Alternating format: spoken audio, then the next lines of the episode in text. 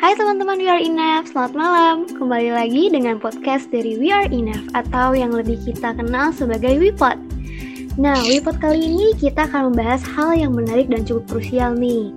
Tema podcast malam ini adalah Lack of Support Facilities in Indonesia dengan fokus pada sebenarnya tindakan bullying ini merupakan hal yang untreatable, tidak dapat ditangani atau brush aside, dikesampingkan karena seperti yang kalian tahu, bahwa tindakan bullying ini merupakan kejahatan nomor 4 terbesar di, di dunia. Dan ini merupakan masalah yang sangat serius. Kenapa serius? Karena dampak dari bullying ini tidak hanya dirasakan oleh bullying victim itu, tetapi juga dengan orang-orang maupun lingkungan di sekitarnya. Nah, karena urgensi seperti itu, malam ini kita kedatangan narasumber yang juga memiliki concern dan interest yang sesuai dan sama dengan We Are Enough. Langsung saja kita sambut Kak Lutfi Arya yang merupakan founder dari organisasi Bullying Crisis Center. Hai Kak. Halo, We Are Enough. Iya, hai Kak. Bisa perkenalkan diri Kak Lutfi dulu nih sekalian menjelaskan Bullying Crisis Center itu apa dan bagaimana sih? Oke, okay, uh, eh, perkenalkan nama saya Lutfi Arya. Uh, saya psikolog gitu kan. Mm -hmm. Terus kemudian uh, saya mendirikan Bullying Crisis Center ini uh, sekitar lima tahun yang lalu dengan concern sebenarnya untuk penelitian dan kajian gitu ya uh, tentang bullying dan kekerasan di sekolah. Uh, namun ketika kita uh, sudah melakukan beberapa riset dan uh, survei tentang bullying, uh, kami malah dimintai bantuan sekolah-sekolah untuk menangani uh, bullying di sekolah itu gitu kan. Uh, jadi uh, mereka meminta bantuan untuk membuatkan program pencegahan uh, bullying gitu. Kemudian uh, kami juga memberikan anti bully lesson kepada siswa-siswa yang ada di sekolah itu. Ya, sekilas seperti itu. Hmm, bisa dijelasin nggak tuh kak kegiatannya apa aja secara singkat? Iya, kegiatannya kami um, secara periodik gitu ya mm-hmm. um, memberikan anti bully lesson uh, jadi meningkatkan awareness siswa-siswa tentang bullying bahaya bullying itu seperti apa gitu kemudian uh, saya juga mengajarkan bagaimana sih melawan bullying dengan cara yang lebih baik gitu nah karena saya merasa uh, bullying ini uh, siswa itu harus memiliki semacam uh, perlindungan diri gitu kan ya atau bekal untuk bisa melindungi dirinya dari uh, tindakan bullying. Mm-hmm. Itu. Kemudian sekolah-sekolah juga uh, meminta uh, ide, gagasan dari kami juga untuk merancang sebuah program pencegahan uh, yang bisa diimplementasikan ke sistem sekolah. Kira-kira seperti itu. Oh, menarik tuh Kak. Uh, lalu apalagi tuh kira-kira yang menarik dari Bullying Crisis Center? Kegiatannya kah atau mungkin ada kasus yang menarik? Uh, iya. Uh, jadi uh, pertama saya nggak percaya ya awalnya bahwasanya uh, tidak ada sekolah yang bebas dari bullying gitu kan. Mm -hmm. Nah, tapi setelah turun ke sekolah-sekolah kok nampaknya benar ya tidak ada sekolah yang 100% itu zero bullying. Hmm. gitu. Mau itu sekolah dengan pendekatan agama mau sekolah itu swasta negeri internasional itu semua ada kasus bullying di situ. Mau pakai kurikulum internasional pun itu juga uh, ada kasus bullying. Jadi uh, ya ini jadi masalah global sebenarnya. Hmm. mau di sekolah mana aja siswa tidak bisa sepenuhnya terbebas dari bullying gitu. Mm-hmm.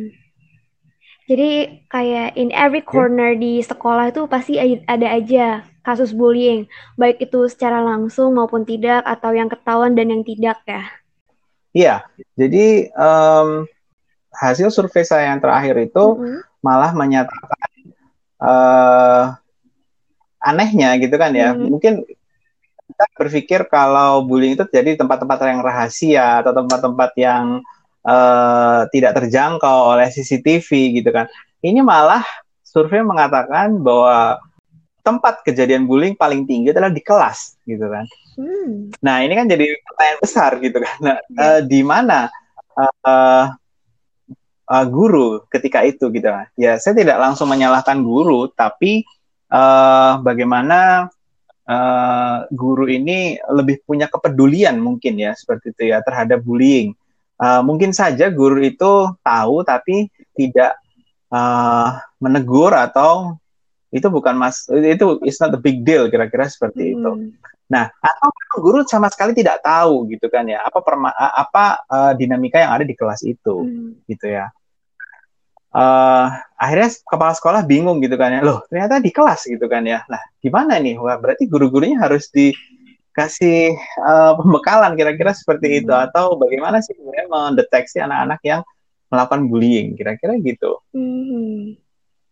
Wah, nggak nyangka ya ternyata uh, yang selama ini dikira atau secara umum orang-orang tahu, oh iya di bullying tuh di tempat yang sepi atau di tempat yang jarang ada orang. Tapi ternyata faktanya dan hasil survei mengatakan bahwa bullying justru terjadi di dalam kelas secara terang-terangan ya. Iya, iya bahkan uh, hampir um, 50% lebih ya yang me me menyatakan seperti itu. Hmm. Nah, untuk memperdalam lagi nih tentang topiknya, uh, saya punya beberapa pertanyaan dan bisa juga kakak jawab dengan uh, pengalamannya, maksudnya pengalaman dari hasil survei dan sebagai founder dari Bullying Crisis Center itu kayak gimana. Nah, uh, saya punya pertanyaan, kenapa sih dan mengapa kasus bullying ini dilihat sebagai permasalahan yang sangat serius dan bahkan di beberapa kasus tindakan bullying ini sampai menelan korban jiwa tuh kak. Oke, okay, um, saya akan kasih contoh nyata ya mm-hmm. uh, dari kasus yang pernah saya tangani. Jadi ada dua bersaudara perempuan gitu, yang satu kakaknya ini punya kulit yang putih dan adiknya uh, punya kulit yang tidak seputih kakaknya, mm-hmm. gitu kan.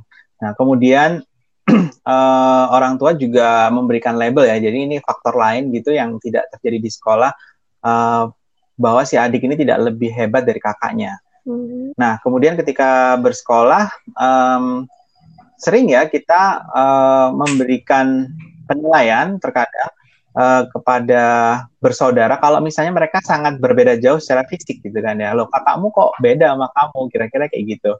Um, nah, kemudian si adik ini dibully gitu kan ya terus menerus dari SD SMP SMA gitu kan ya nah lama-lama eh, rasa keberhargaan dirinya atau rasa harga dirinya atau self esteemnya itu menjadi rendah. Kira-kira seperti itu. Nah dan ini terjadi over and over gitu kan. Nah kemudian ketika berkuliah eh, rasa minder rasa tidak berharga itu tetap dia bawa. Nah, dengan juga punya keyakinan dia harus membuktikan dia lebih baik dari kakaknya, kira-kira seperti itu. Nah, kemudian pada satu titik uh, dia merasa benar-benar tidak berdaya, gitu kan ya, karena uh, bulian-bulian yang dia terima dari sejak sekolah itu, sekolah uh, dasar, SMP, SMA, uh, itu sampai ke bawah uh, ketika dia mengerjakan tugas akhir. Jadi tugas akhirnya itu tidak sampai selesai, dia tinggal begitu saja, padahal kuliahnya baik-baik saja gitu ya. Tapi ketika uh, apa namanya uh, menyelesaikan tugas akhir, memang ada pemicu-pemicu sedikit gitu kan ya yang yang menghancurkan harga dirinya mungkin ketika bimbingan atau ketika membandingkan dengan teman-teman yang lain. Nah ini menambah rasa apa ya uh, rasa harga dirinya yang menjadi tidak uh, berharga, menjadi merasa dirinya useless gitu. Hmm. Kemudian dia menarik diri dari lingkungan, mengurung diri di kamar gitu kan ya sampai butuh ke bantuan psikiater. Hmm. Nah, itu dia cerita ke keluarga gitu kan sampai uh, saudaranya uh, itu me, apa ya mengamati kenapa kok dia nggak pernah keluar kamar dalam waktu satu minggu ini ya ternyata setelah ditelisik ya itu dia mengalami uh, depresi hmm. gitu ya sampai si obat nah setelah itu uh, sesaudara ini uh, berkonsultasi dengan saya, kemudian akhirnya uh, terjadilah konseling uh, gitu kan ya mm-hmm. dengan saya. Nah kemudian sebenarnya dia hanya ingin bercerita saja gitu kan ya bahwasanya dia mengalami rasa tidak berharga yang cukup dalam gitu kan dia merasa harga dirinya sangat rendah. Nah, kemudian ketika bercerita ya sudah uh, uh, kita sebagai psikolog memberikan support gitu kan ya support uh, bahwasanya banyak kelebihan-kelebihan yang kamu miliki yang mungkin belum kamu sadari kira-kira seperti itu hmm. nah pada titik itu dia uh, mulai lega gitu kan ya hmm. uh, bahwa obat-obat yang dia minum selama ini itu hanya memberikan efek yang sementara saja obat-obat penenang yang dia minum hmm. selama ini tapi di konsultasi akhirnya uh, alhamdulillah ya tadi apa namanya uh, terselesaikan gitu kan ya masalah emosi yang terpendam kemudian uh, rasa harga diri yang rendah itu mulai mulai kembali muncul gitu kan ya. Nah itulah mengapa tadi uh, pertanyaan uh, sampai bullying itu bisa dalam tanda kutip mengenalan korban jiwa gitu kan. Hmm. tapi ini tidak jadi gitu ya kalau um, apa si saudara ini tidak mengamati sejauh itu ya maksudnya kakaknya tidak mengamati hmm. sejauh itu dia nggak keluar kamar nah apa yang terjadi kira-kira kan gitu hmm.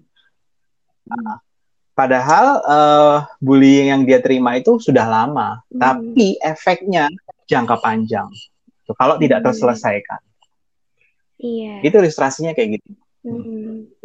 jadi dari dari hal remeh temeh kayak kok kamu beda ya sama kakak kamu itu punya efek yang long term dan uh, dan hasilnya di masa mendatang justru berbahaya ya kak untuk si victimnya.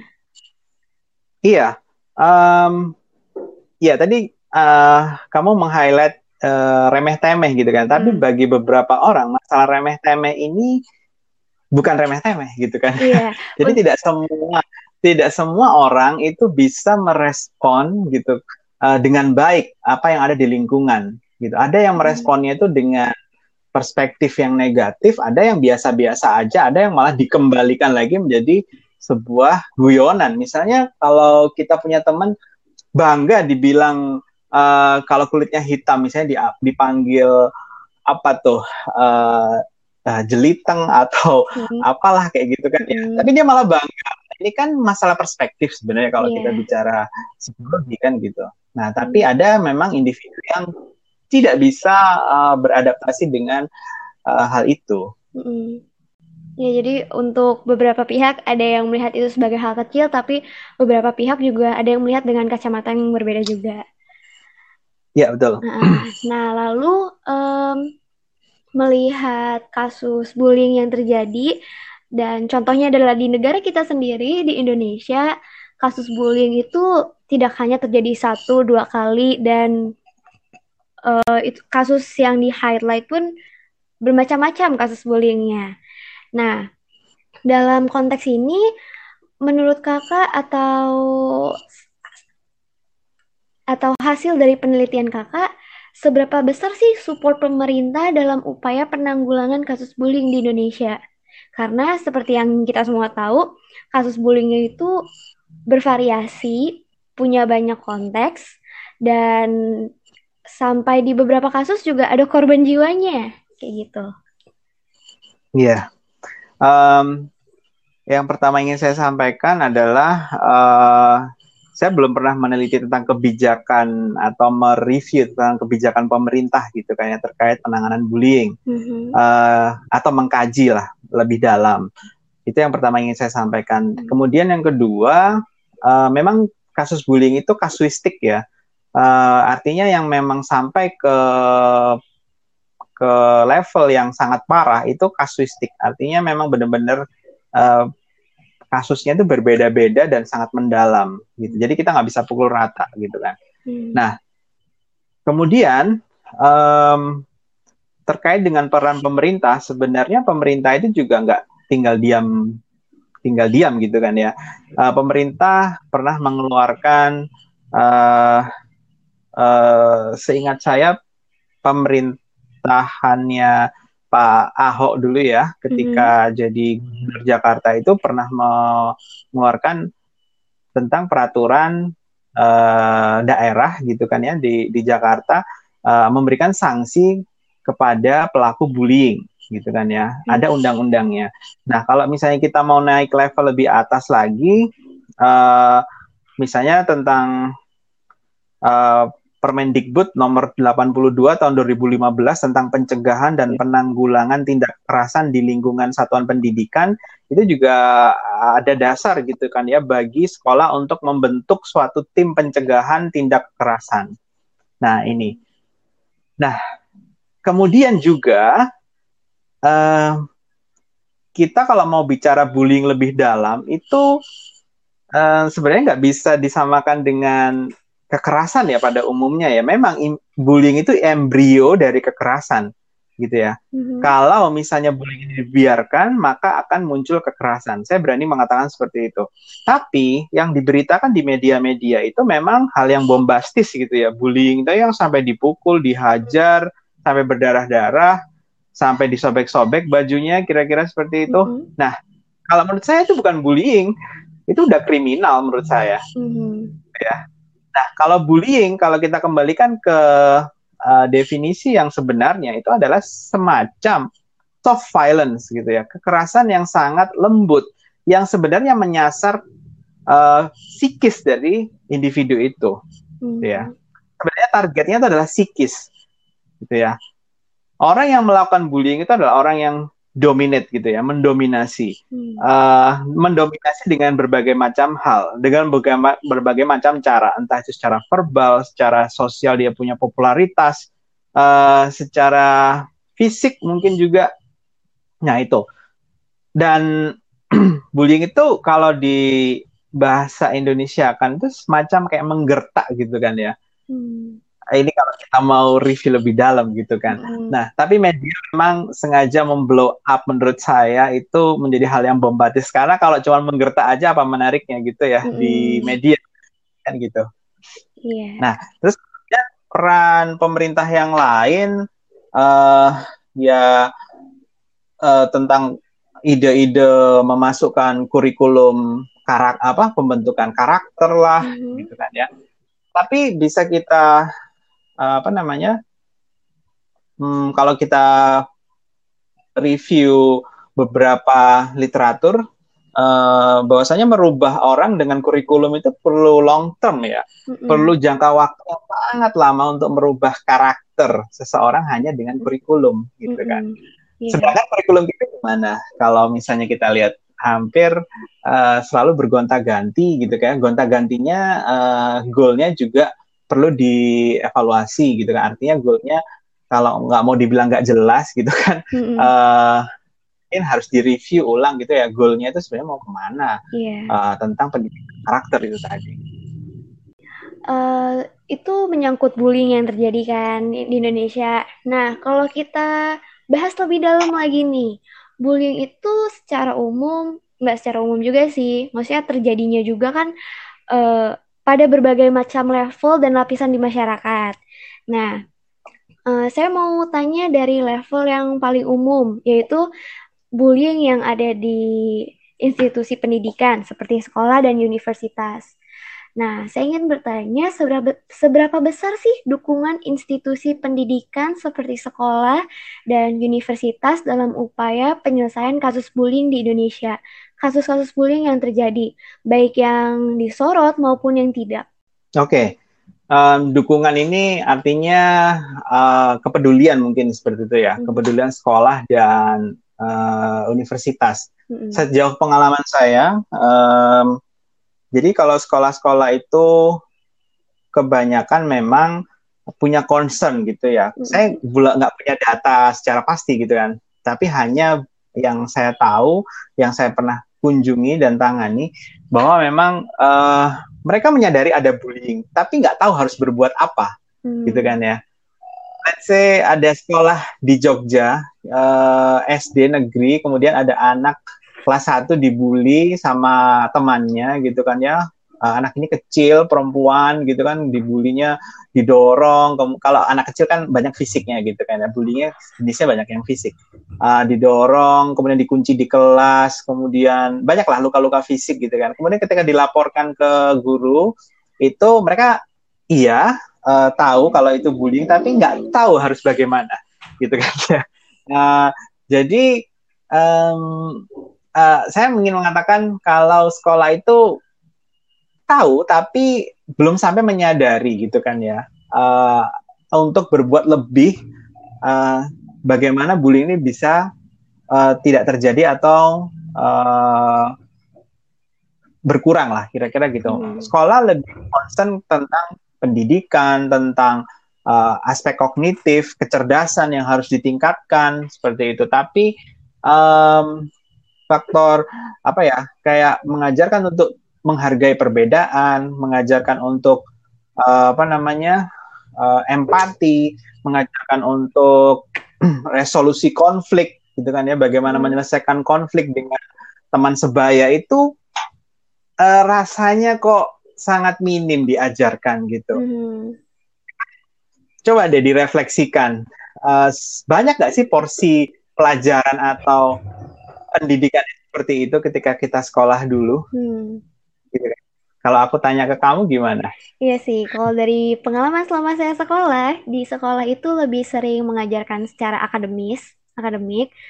Oh. Begitu banyak macam pelajaran yang diajarkan di sekolah, tapi eh, pihak sekolah atau misalkan kurikulum yang saat itu diterapkan kurang memfokuskan atau kurang menekankan pada keselamatan, kesejahteraan murid muridnya dan hal sebagainya termasuk salah satunya kalau istilah yang bisa saya pakai rasa am rasa secure rasa damai aman tentram untuk murid-murid itu kurang diajarkan dan kurang ditekankan karena direfleksikan like, kalau misalkan berkaca atau napak tilas pada keadaan saat ini maupun beberapa tahun lalu ada aja kasus bullying yang terjadi kayak gitu.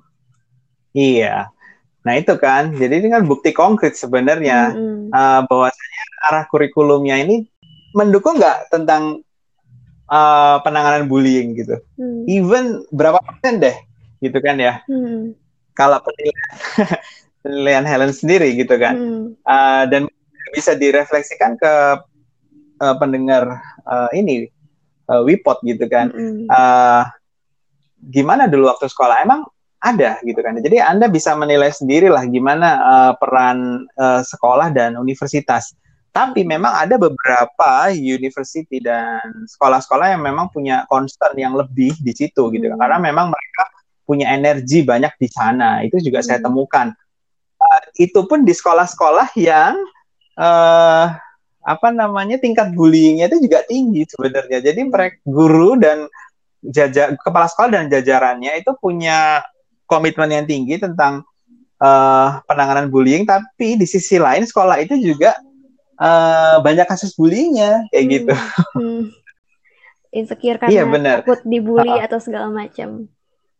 Iya iya iya iya. Hmm. Uh, jadi memang uh, sekolah itu ketika didatangi kan memang harus jadi rumah kedua ya kira-kira gitu. Tapi bagaimana sih perlakuan uh, sekolah gitu kan uh, secara sistemik gitu kan hmm. mendukung uh, penerimaan siswa baru itu seperti apa dukungannya? Mm-hmm. Uh, apakah menerima mereka dengan uh, sukacita gitu kan? Kayak misalnya kalau menurut saya ya, menurut mm-hmm. saya ada beberapa sekolah itu yang menyambut siswanya itu dengan uh, ya kakak kelas itu menanti di depan, kemudian menyambut dengan kayak tamu gitu bahwasanya uh, anak baru ini tamu yang harus mm-hmm.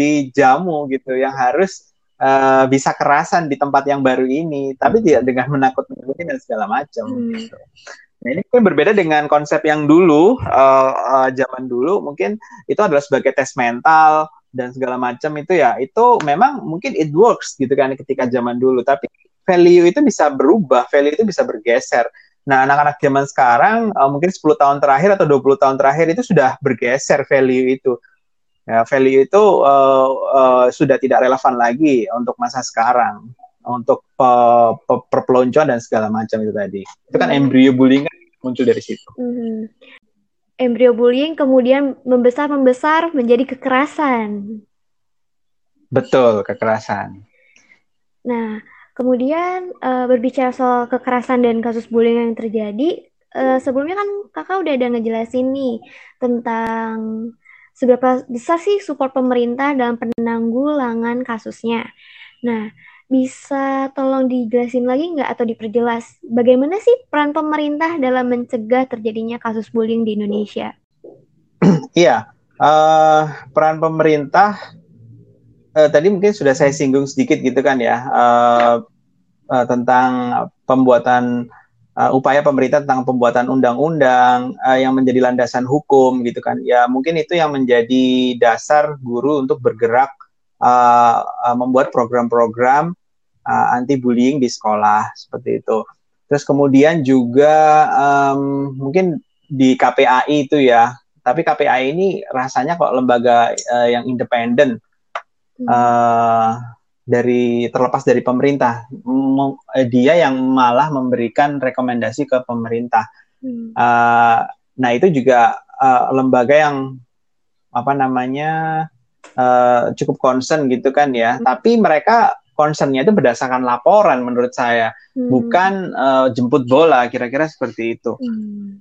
Jadi saya juga bingung ketika ditanya apa ya peran pemerintah selama ini gitu kan, karena ketika bergerak lima tahun ini pun misalnya um, saya mengajukan kurikulum program anti bullying gitu kan ya hmm. ke misalnya pemerintah setempat itu pun juga menjadi uh, ganjalan tersendiri karena itu akan uh, mengubah mungkin juga akan ada kesan merepotkan guru-guru untuk mengimplementasikan kurikulum itu akhirnya ya kami berjalan sendiri bagi sekolah-sekolah yang mau untuk dirancangkan uh, ini ya uh, program pencegahan gitu kan yang hmm. bisa dimasukkan ke kurikulum yang lokal gitu kan kurikulum lokal kan boleh diterapkan juga berapa hmm. persen gitu di sekolah-sekolah.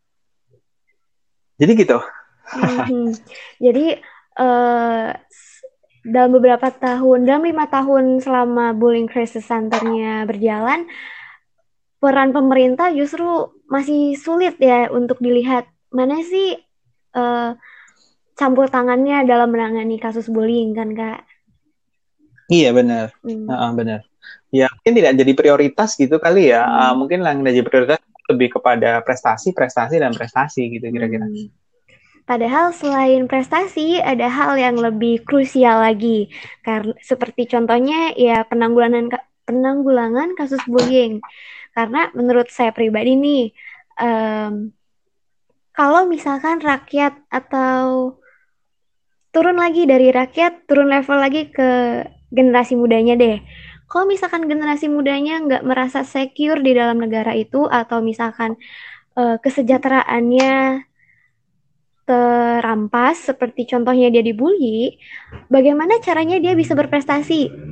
Bagus kalau misalkan um, generasi muda tersebut atau seseorang tersebut melihat apa yang dia alami sebagai sebuah motivasi.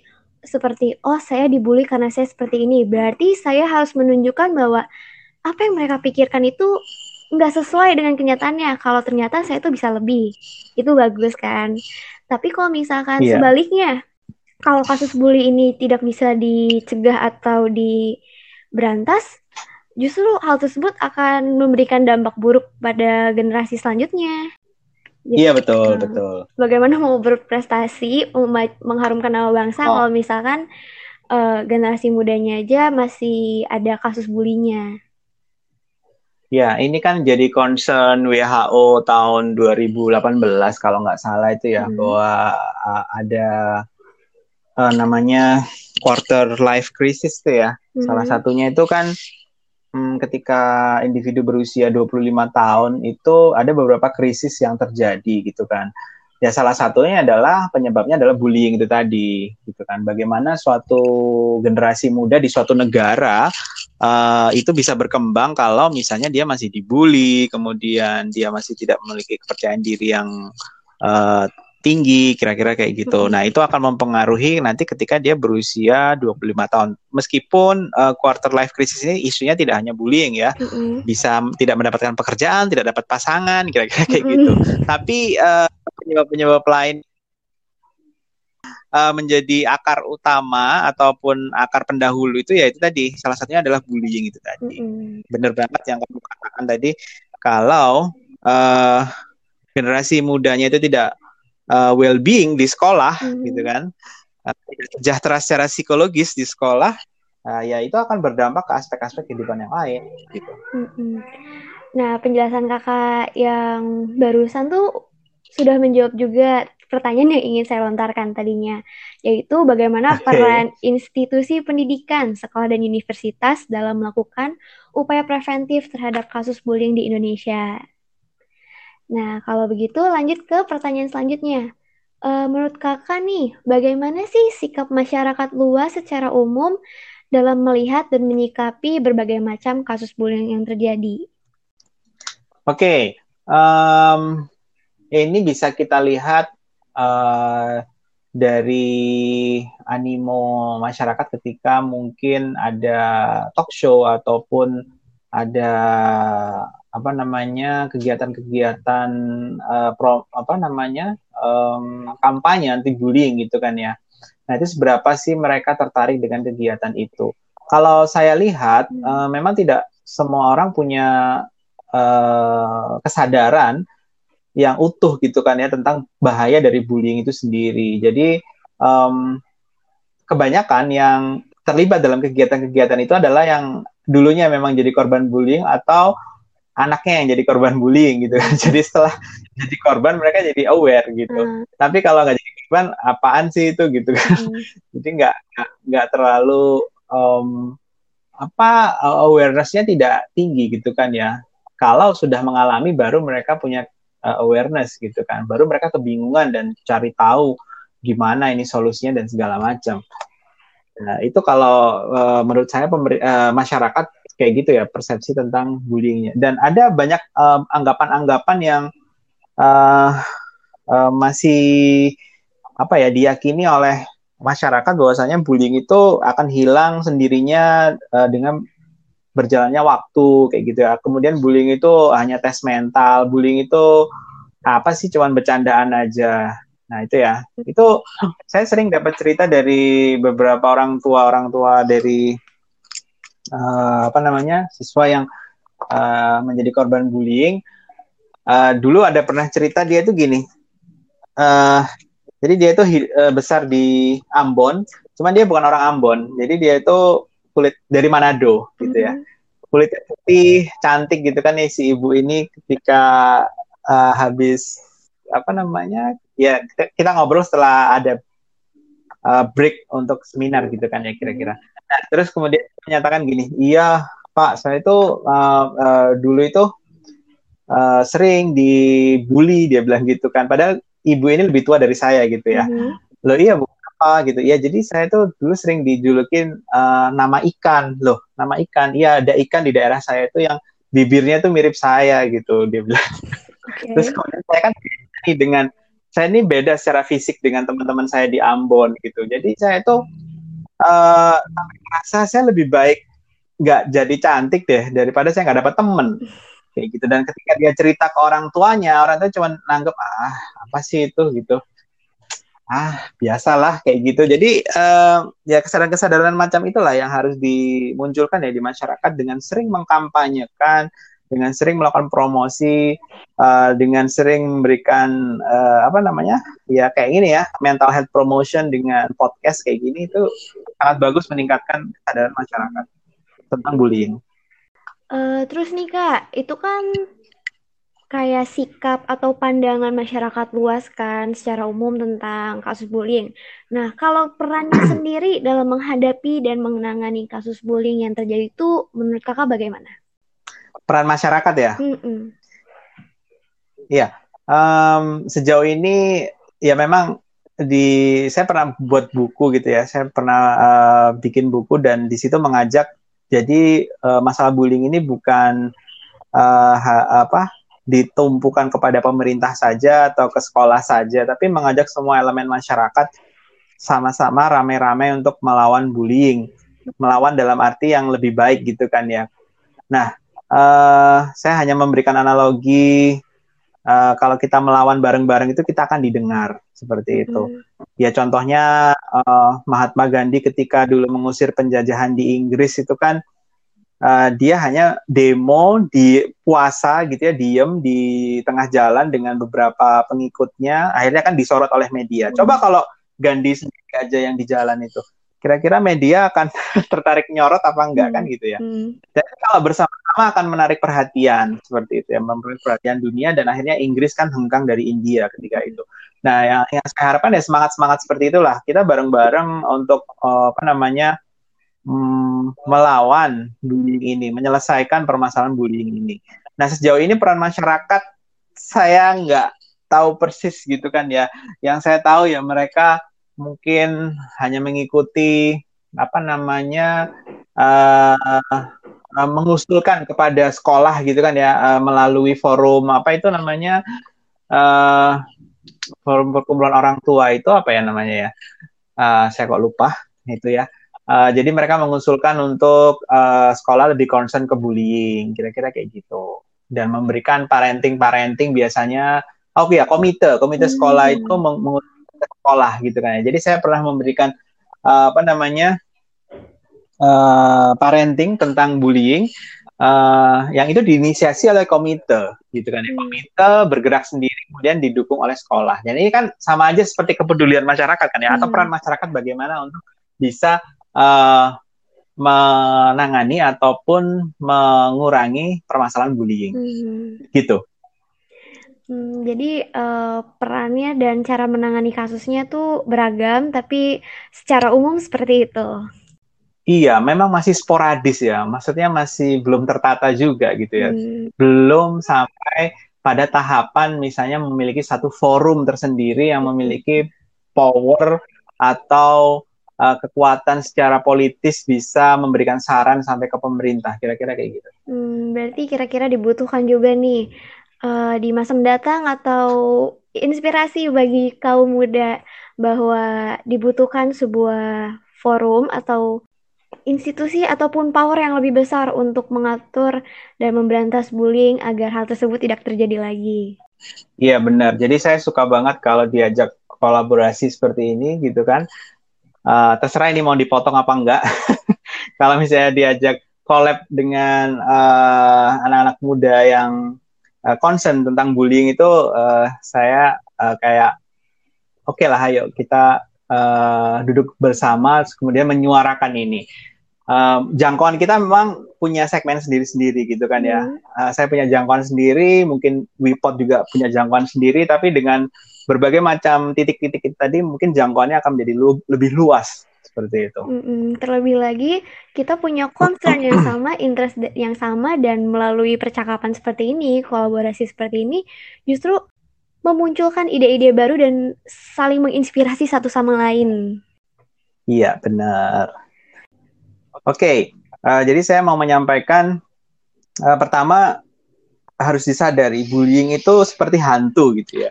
Jadi akan menghantui siswa-siswa yang ada di sekolah. Kenyataannya seperti itu di sekolah di Indonesia.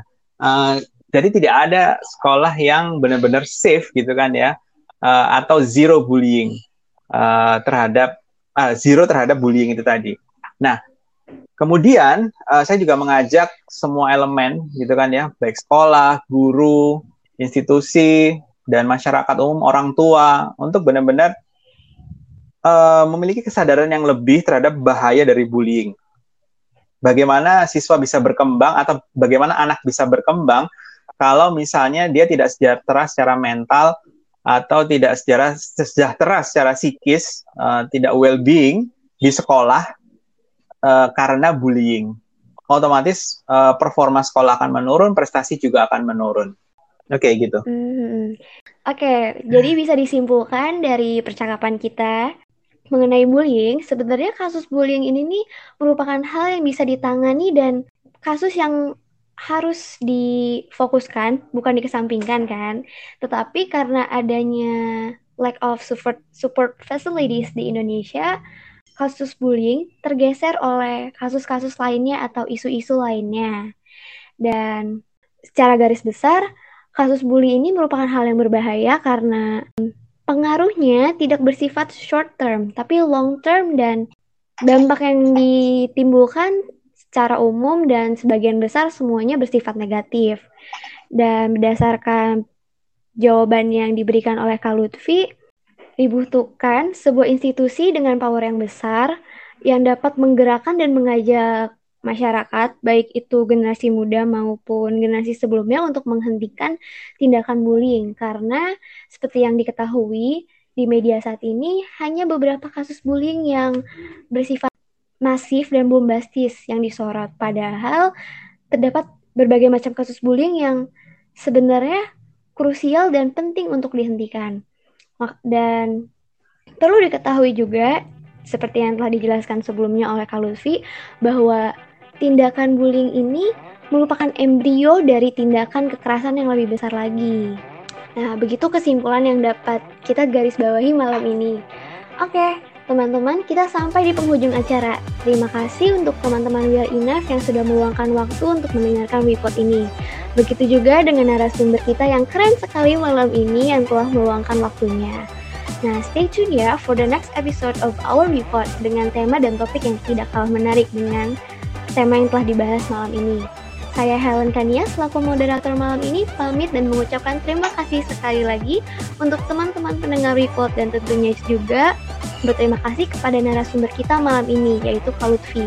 Semoga organisasi Bullying Crisis Center yang ditumbuhkan dan dibina Kak Lutfi ini bisa terus sukses berjalan lancar dan berhasil menanggulangi dan menghentikan tindakan bullying yang sebelumnya terjadi. Oke okay, friends, bye. Jaga kesehatan, baik itu mental maupun fisik. Tetap semangat ya. Together to stop bullying, today to free smile.